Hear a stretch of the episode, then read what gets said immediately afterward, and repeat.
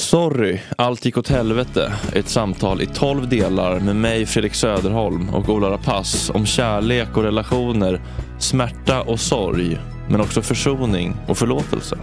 Jag har precis blivit dumpad på Las Palmas och jag har aldrig känt mig så desperat i hela mitt liv. Jag har haft den värsta veckan i mitt liv. Det börjar med att jag blir eh, hämtad av eh, någon slags insatsstyrka med poliser hemma hos en kompis. Tjena, hej. Tjena. Är det Bengt? Du har en farsa i skogen en timme härifrån och du har aldrig haft någon kontakt med honom. Fredrik, vad gör du här nu? Du känner igen mig? Ja, men. Jag ska inte känna igen dig. Det ser ut som jag. Välkommen tillbaka från pundarna på slottet.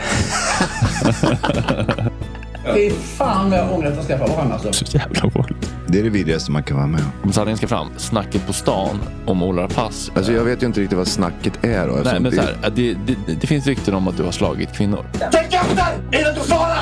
I de relationerna har du väl kontroll på något sätt?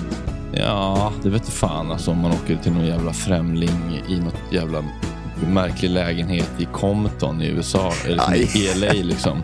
En stor svart man som inte vill använda skydd och som ger en poppers.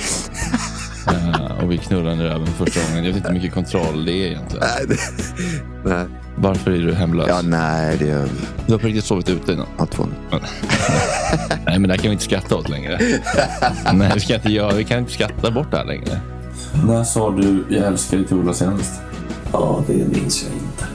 Det här är den ärligaste, smutsigaste och mest smärtsamma podden som gjorts av två desperata män som försöker förstå varför de blev som de blev. Och om du ljuger nu så kommer jag aldrig mer prata med dig.